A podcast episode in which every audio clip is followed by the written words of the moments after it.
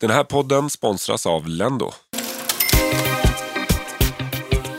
Ja, varmt välkomna till avsnitt sju av Pengapodden. Och idag ska vi prata om eh, ja, vad man bör tänka på när man ska köpa bostad. Vi ska snacka bostadsköp helt enkelt. Det är ju ett allmänt intresse kring det. Det finns ju tidningsartiklar eh, varje dag någonstans om senaste kvadratmeterpriserna och utvecklingen på bostadsmarknaden, ränteläget och det är också ett samtal som eh, människor pratar om på middagar. Ja, speciellt i storstadsregionerna där det är såna enorma pengar det handlar om också idag, så är det ju en, en ett stort ämne, Ja. ständigt aktuellt. Det har blivit ett prisrally senaste åren verkligen. Även om det har tuffat uppåt eh, nästan i hela vårt vuxna liv. Ja, verkligen. Så, så är det senaste åren som det har skenat. Men nu kommer ju nu kommer en massa regleringar här. Precis, det är amorteringskrav och eh, nu diskuterar man ju även eh, skuldkvotstak. Så vi ska prata om de här konstiga orden och eh, reda ut begreppen förhoppningsvis. Yes, och sen så ska vi prata lite om våra egna bostadsköp och hur de har gått till. Och sen också vad man ska tänka på som förstagångsköpare också när man ska in på bostadsmarknaden. Och även om man ska vidare och köpa dyrare och kanske flytta till hus också. Det finns många frågor att besvara.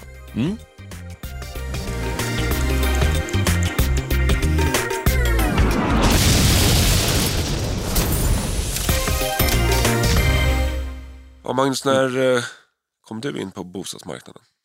Ja, jag köpte min första bostadsrätt 1997.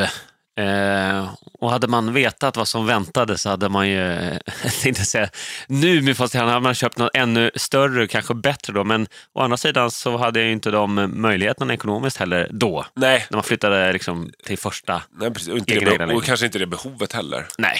Det är, var en- 20, det är 20 år sedan, så du har ju varit med ett tag Ja, precis. på Och- bostadsmarknaden. Ja, det var en etta på 35 kvadrat som, eh, som jag köpte då. Som var, det var ju väldigt stort att köpa bostadsrätt, att faktiskt äga, sitt, eh, äga rätten till sitt boende och eh, ha en möjlighet också att faktiskt utveckla, se det som en investering.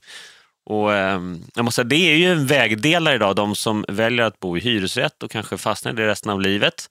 Av olika skäl. En del gör det av ekonomiska skäl, att man tar insats, men en del gör det ju faktiskt bara kanske att man väljer Det- att lägga pengarna på annat. Eller bara att det blev så. Jag fick eh, den här hy- hyresrätten och, och kände att det var bekvämt.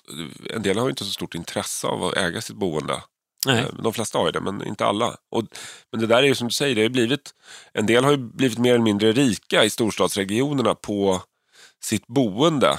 För det har varit en extrem prisutveckling senaste 20 åren, eller senaste fem åren. Nästan oavsett vilket tidsspann man tittar på så har det gått upp väldigt mycket. Ja. Det har ju funnits några få hack i kurvan. Men eh, jag tycker ändå inte att man ska se boendet primärt som en investering, alltså en finansiell investering. Utan det är ju ett ställe där, där du ska bo och trivas och, och känna dig trygg och, och bygga upp ditt liv.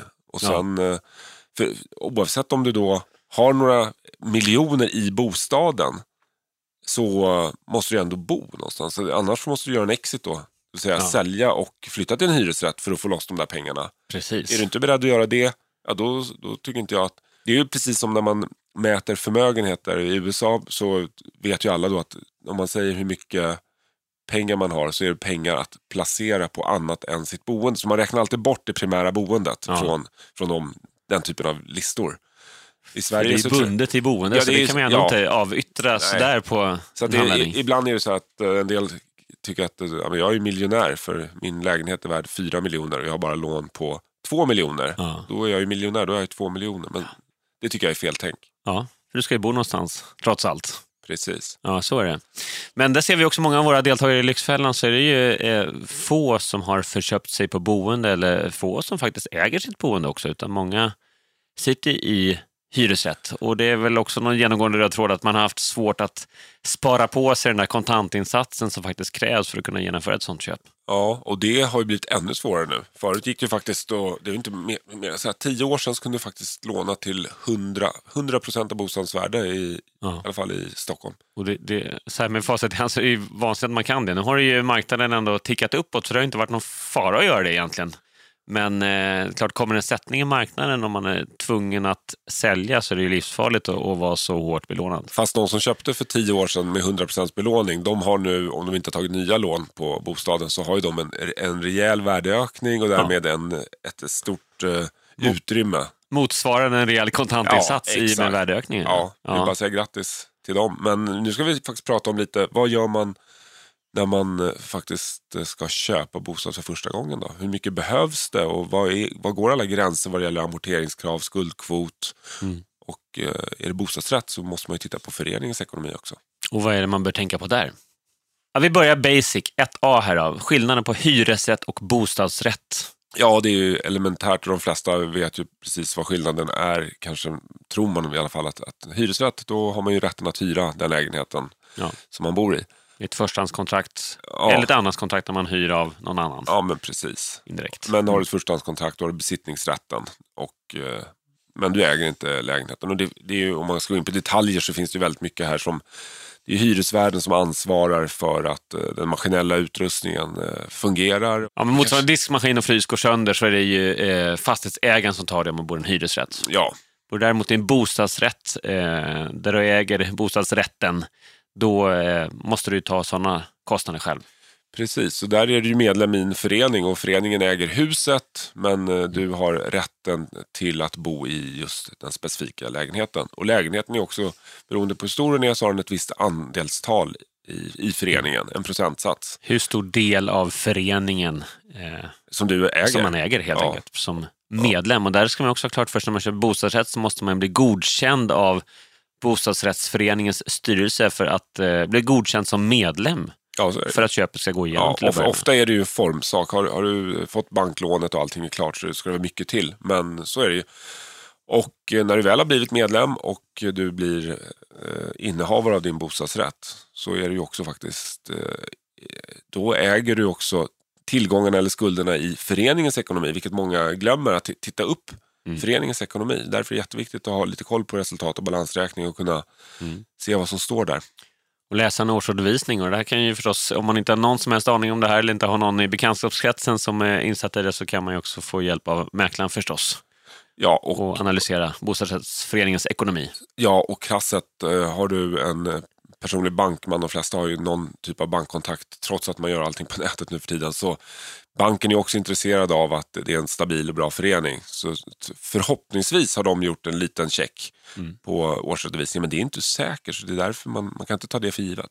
Nej, jag har utbildat många fastighetsmäklare i säljteknik och annat, eh, kommunikation och så vidare. Och jag tycker det är intressant man pratar med fastighetsmäklare och, och frågar vad, vad de vanligaste frågorna är på första gången köp och så vidare. Många har ju lärt sig frågan, är det en stambytt? Ja, Det är vet, standardfråga vet, vet, vet knappt vad det betyder, Nej, vad det innebär, men, men man ska fråga det. Man ska fråga, är det stambytt? Men däremot det här med, med föreningsekonomi så får de väldigt få, i alla fall tidigare, de fått väldigt få frågor om det.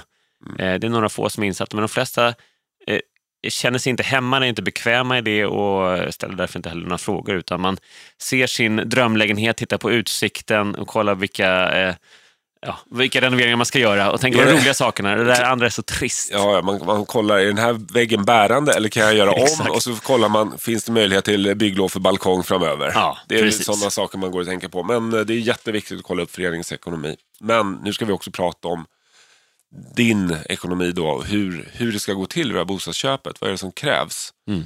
Och eh, det, det är väldigt svårt nu att komma in på bostadsmarknaden och även om du är inne redan, och nu pratar vi stor, stor Stockholm här, eller stan, för att det är här vi bor och verkar. Och det är här det är enorm inflyttning. Är 60 000 men, nya människor per år som eh, kommer in på, på, på Stockholmsmarknaden och försöker få Ja. jobb och bostad.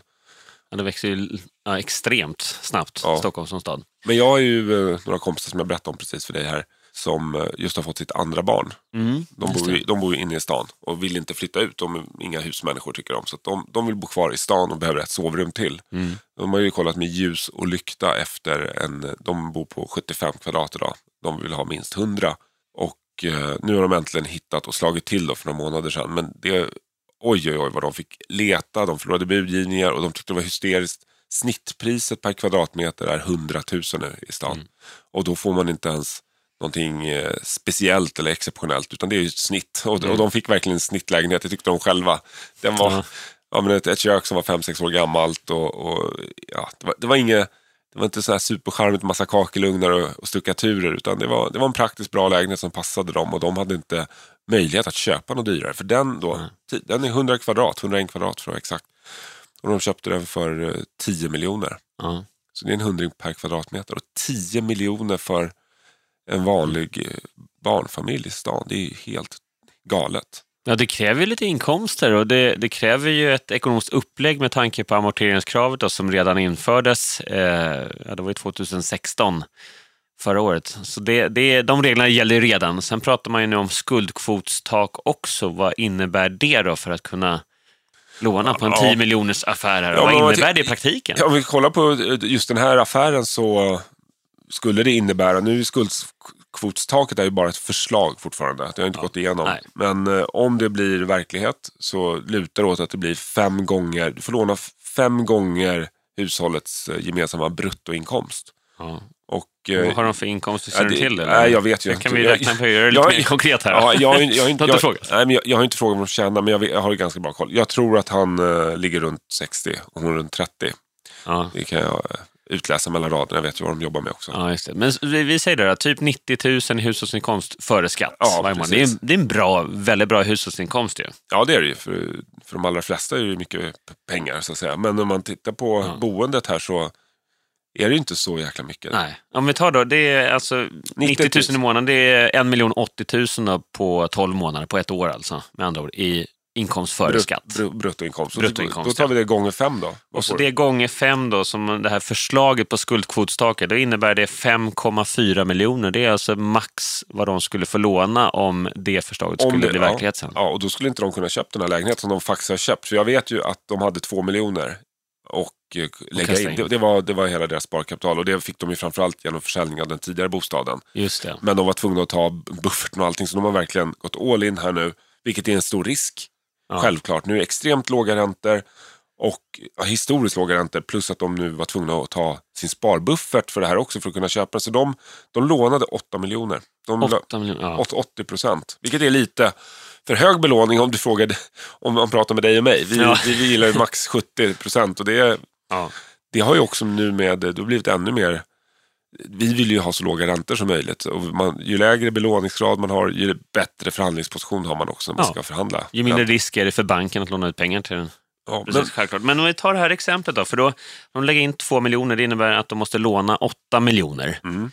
Och eh, då är det så med amorteringskravet här att är du belånad över 70 procent eh, så måste du amortera 2 procent per år ner tills du når 70 procent ja. av bostadens värde. Och därefter är det 1 procent ner till 50 procent. Ja, och därefter 1 procent per år ja. amortering ner till 50 procents belåningen. Har du, har du 50 procent eller mindre, då är det helt valfritt om du vill amortera. Ja. Men i det här fallet, då, de måste jag amortera 2 procent årligen på det här 8 miljoner kronors lånet. Ja, det är 160 000 med andra ord, delat på 12. Det betyder 13 333 kronor per månad i, I amortering. Tvångsamortering om vi kallar det så. Ja, exakt. Och det är, det är ju det här som har gjort nu att det, det biter ju rätt hårt när man har så här många miljoner i lån. Ja. 13 000 bara amortering. Och så Ska vi dra på, på räntan också då? Ja, vi eh, säger snitträntan är ju 1,50. Ja, 1,5 procent på, vad sa vi, på 8 miljoner. Eh, då landar vi på 120 000. Ja, det är ju förstås 10 000 i månaden. Det innebär att en ränta och amortering på 23 333 kronor per månad. Plus avgiften till föreningen. Sen kommer månadsavgiften till föreningen. 4 och 5 vet jag att den ligger på, i den uh, föreningen för deras lägenhet. Då, det ja, då pratar vi om 28 000 kronor i månaden. I, boende I rena boendekostnader. Ja, sen har du i och för sig ränteavdraget eh, och så vidare. Men det här är vad pengarna måste ut om du inte jämkar. 28 000 i månaden. Och de har 90 000 brutto. Vad kan de få ut då? 60 där, det är väl 45, ja, 20. De kanske får 65. Mm. Men nästan hälften, 40, 43, 44 procent av deras inkomst. Ja, då är det en väldigt stor del som går på, ja. till boendekostnaden. Och då kan ni förstå själva vad som händer om räntan då skulle fördubblas. Mm. För det är inte konstigt om den skulle gå upp från 1,50 i snitt till 3 procent om några år. Och då är det 20 000 i månaden bara räntekostnad ja. eh, innan ränteavdrag på 30 procent. Och då är de rätt rökta. Ja. Med tanke på nu som jag vet också att de har gjort av med sparbufferten för, för att kunna köpa den här lägenheten. Så ja. har de ingen, ingen buffert. De kanske, och, med, och med, med, här, med jobbet. Och med den här boendekostnaden har de ju knappast råd att lägga undan så mycket till en buffert heller. De blir Nej. tvungna att lägga allt på amortering. Vilket är ett sparande men du, du låser ju upp pengarna. Jag blir stressad Ja, bara, ja, det bara vi räknar på det Ja, här. ja, jag hoppas inte de hör det här nu. Nej, nej, det får jag. Men det är en tuff situation och det här är ju inte, de är inte unika. Utan det här, är ju, det här är ju verkligheten för väldigt många stockholmare. Ja.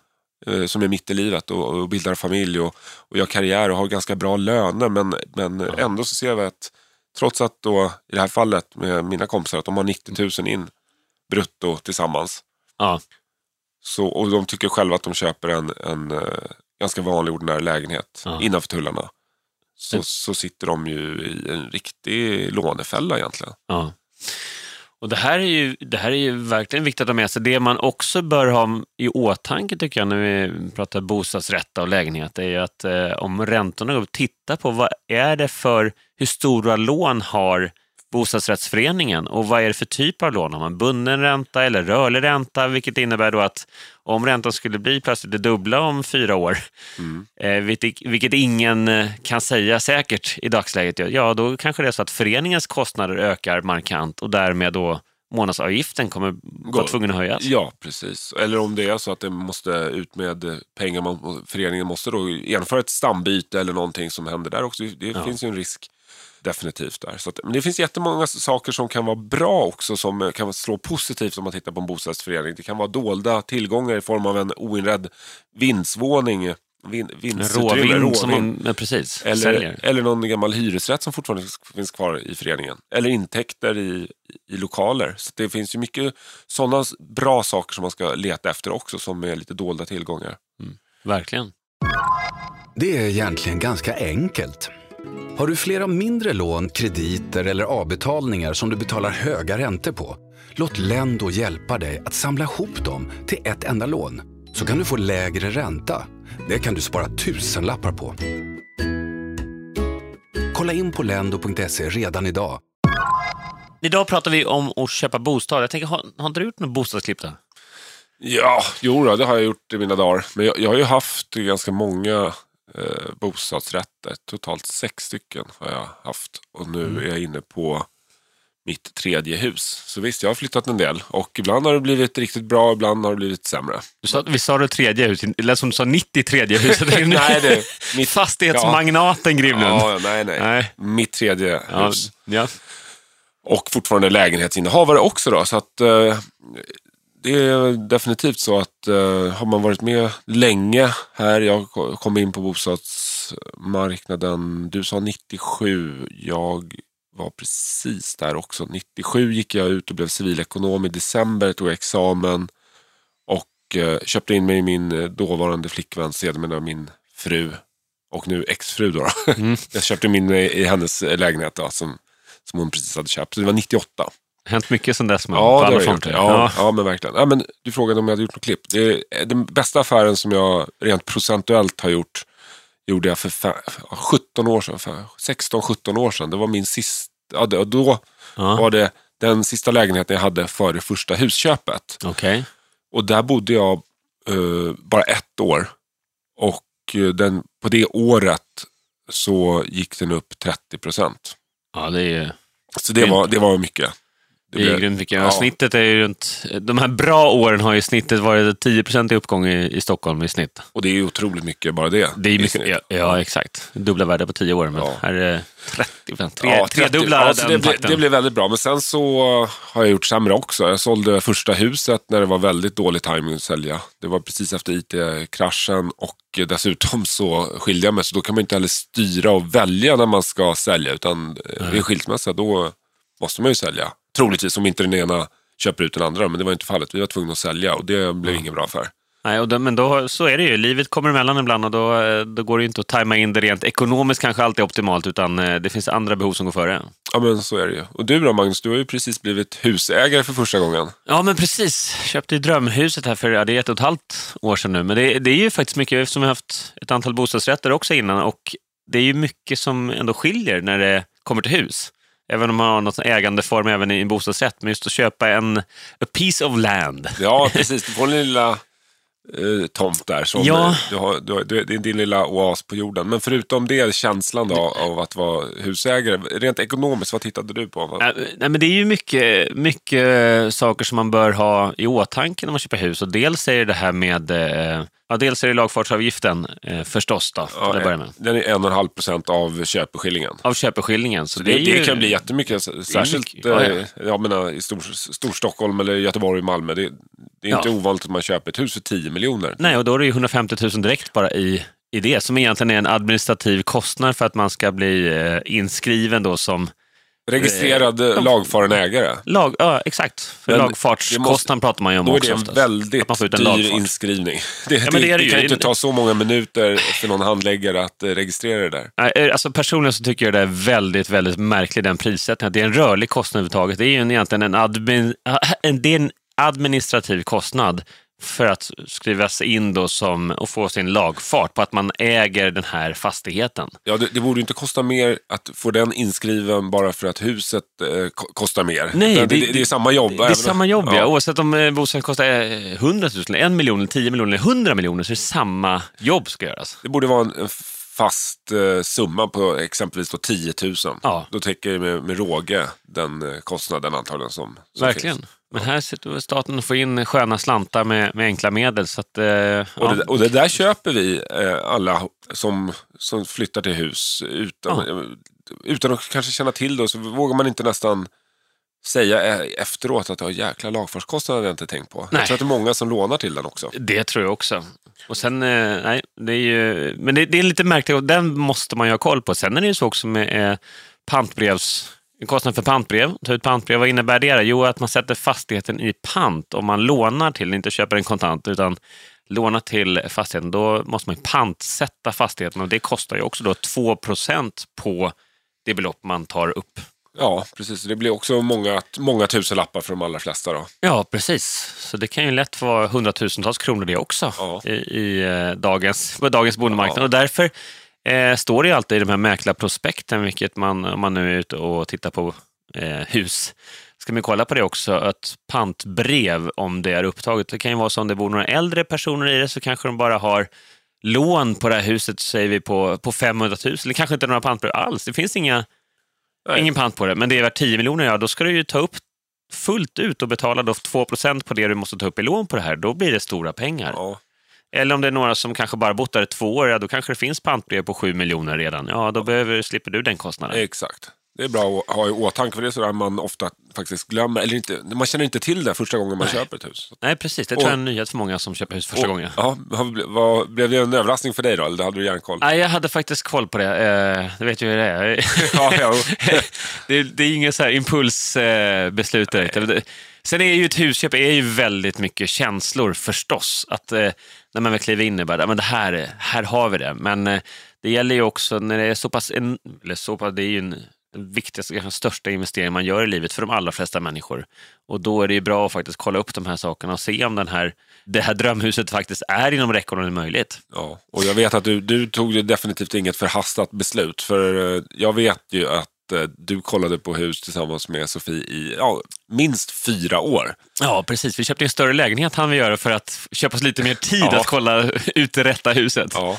Nej, så är det ju. Och, eh, men sen ska man ju klart för sig också, det är mycket andra kostnader, så driftskostnader som man kanske inte tänker på i ett hus. Med, jag menar, jag bodde i bostadsrätt innan i lägenhet så har det, är det föreningen som tar de kostnaderna för sophämtning och el Ja. och vatten. Ja, och men så det ingår i avgiften, så du tar ju kostnaderna, men din, Ja. din, din del av kostnaderna. Vi, via månadsavgiften till Ja. bostadsrättsföreningen. Men i ett hus så får du ju ta sånt själv förstås. Då. Det är framförallt uppvärmningen som kan bli dyr för de flesta som, eh, om man inte har eh, modern bergvärmeanläggning Bergvärme, kanske nej. gammal olja eller något liknande, då kan det ju vara extremt dyrt. Precis, så att, eh, det gäller att ha koll på det också. Och sen kanske det kommer till andra saker. Du kanske vill ha ett huslarm och andra månadskostnader som kommer till. Försäkring och så vidare som, som kanske ligger på helt andra nivåer än vad det gör på en lägenhet. Och det gör de ju ofta. Ja. Så, att, eh, så det är mycket att ha koll på. Sen måste du ju ta höjd för andra saker också förstås. Så att, eh, ska du byta taket så är inte det föreningens och styrelsens huvudverk i första hand, utan då är det ditt eget som fastighetsägare i första hand att se till att taket håller eller att grunden ska dräneras. Föreningen eller styrelsen, det finns inte någon. Det är du, det är du och din fru som är föreningen och styrelsen. Exakt. Så att det, men eh, Ja. så är det, man kanske tänker, många gör ju nog det när man köper hus, att man direkt börjar tänka här ska jag göra en relaxavdelning där får bli ett nytt kök. Och sen så tänker man inte på de här tråkiga sakerna som fasaden som kanske måste göras om innan den vittrar. Det kan Ja, vara fönster dränering, som är dåliga. Ja, fönster och eh, inte minst tak. Då. Den Nej. typen av saker man måste göra. Och det, där, det, som husägare måste man ha en högre sparbuffert också. Verkligen, och där, just när det gäller tak till exempel tror jag inte alla känner till heller att om du har eh, eftersatt underhåll där så täcker inte försäkringen det, utan det är du skyldig som fastighetsägare att ha koll på.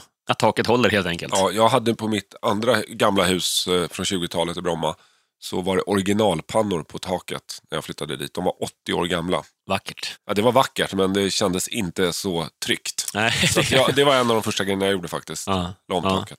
Nej, men det, där, är- så det är mycket som kommer till. Att man måste ha en helt annan, ta helt annan bufferthöjd. Vi har ju pratat sparande i en tidigare avsnitt av podden här, men eh, där gäller det också att jacka upp dem och anpassa hela sitt eh, ekonomiska upplägg efter den nya situationen också då man blir husägare. Ja, precis. Du hann ju köpa innan amorteringskravet trädde i kraft också. Ja, det... Känns det skönt? Ja, där, ja men det gör det. Jag är lite frihetsjunkie kanske på det. Nej, men jag, jag, jag tycker det är lite så att jag förstår ju syftet självklart med, med att titta på eh, kreditgivningen, liksom att det har skenat hur svenska folket skuldsätter sig. Så jag förstår att man måste reglera det här. Men just att peta in i hur man ska amortera, hur man ska sköta sin privatekonomi. Så personligen så eh, gillar inte jag att staten går in och bestämmer hur jag ska sköta min privatekonomi. Det vill jag göra själv. Mm. Även om jag självklart förstår syftet med det och att många där ute faktiskt behöver den eh, gränsdragningen från, Ja, jo, från pappa staten. Ja, eller mamma staten. Ja. Men Du, vill, du vill kunna bestämma själv hur många tusen lappar du ska amortera eller om du känner för att amortera noll så ska du kunna göra det. Så kanske du lägger mer på en, ett fondsparande eller din Ja. aktieportfölj. Eller vad Ja, men det- som nu, just nu amorterar jag ingen, ingenting utan investerar dem istället. Oj, då. shit. Där har du ju rubriken på veckans podd. Magnus amorterar ingenting. Men är skönt lågt belånad. Lagom skulle jag säga. Ja, Ja, ja. själv då? Ja, Amorterar du hårt? ja fast Det jag... här jag borde vi ha pratat om tidigare. Har vi inte pratat om det? Nej, här? vi kanske, det kanske är våra så här, eh, vi- huvudet i sanden. Ja, hur ser det ut på amorteringsfronten? Ja, nej. Jag är väl lite som du där. Jag, eh, varje månad när pengarna kommer in så känner jag antingen så vill jag köpa lite aktier, men det gör jag inte just nu, så då amorterar jag. Mm. Men vissa månader så tycker jag då lägger jag hellre pengarna på aktier och så väljer jag att inte amortera. Och sen Mm. ibland så kan ju både du och jag som är företagare kan göra någon liten aktieutdelning någon gång om året. Ja. Och då kan de pengarna gå en klumpsumma till amortering. Precis. Så att det, Det vill också vara tydlig med nu för alla som det amorterar inte. Det är så att vi löp på det här. Nej, men att, att det tycker jag också är bättre att investera och låta pengarna jobba och bygga upp sig lite mer med tanke på dagens extremt låga räntor. Då kan du förhandla ränta runt 1 procent, boränta om du har lite eh, haft bra förhandlingsutrymme. bra, bra förhandling.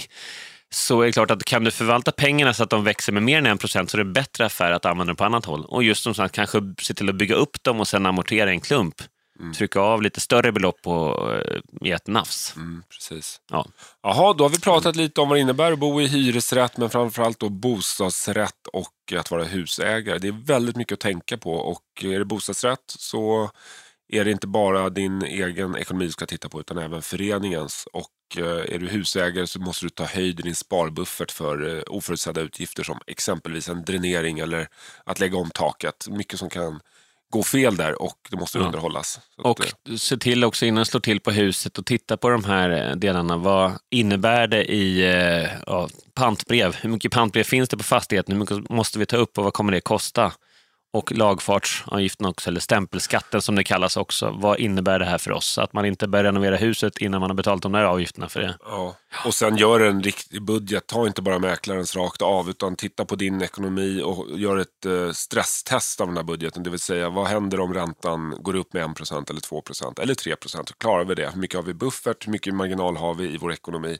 Ja. Och eh, kom ihåg det här exemplet som jag berättade om mina kompisar här som har köpt 100 kvadratmeter för 10 miljoner Mm. och lånat 8 miljoner till en bra ränta.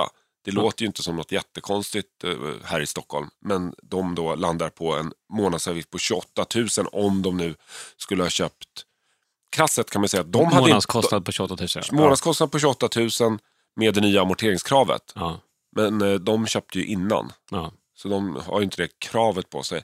Samtidigt så hade de inte lyckats köpa det här med den, eh, den föreslagna skuld, skuldkvotstaket på Nej. fem gånger bruttolönen. Då hade de inte fått låna så mycket. Så sammanfattningsvis kan man säga att eh, håll i tömmarna lite, det är väl det vi försöker säga här, när in och slå till på den här drömbostaden och eh, sätt er ner och räkna på det. Bli konkreta och tänk till före så att man inte bara går på känslan utan också eh, lägger till lite förnuft och kalla fakta på det där. Just det, du kanske kommer ihåg från förra avsnittet vi pratade plånbokstyper. Här gäller verkligen att se vilken plånbokstyp du är. Mm. Tack för att du har lyssnat och glöm inte att prenumerera på podden Lyxfällan, en pengapodd med Patrik och Magnus på iTunes. Maila in till pengapodden at gmail.com om du har några frågor eller tankar eller idéer som eh, dyker upp. Och även ett stort tack till vår sponsor Lendo.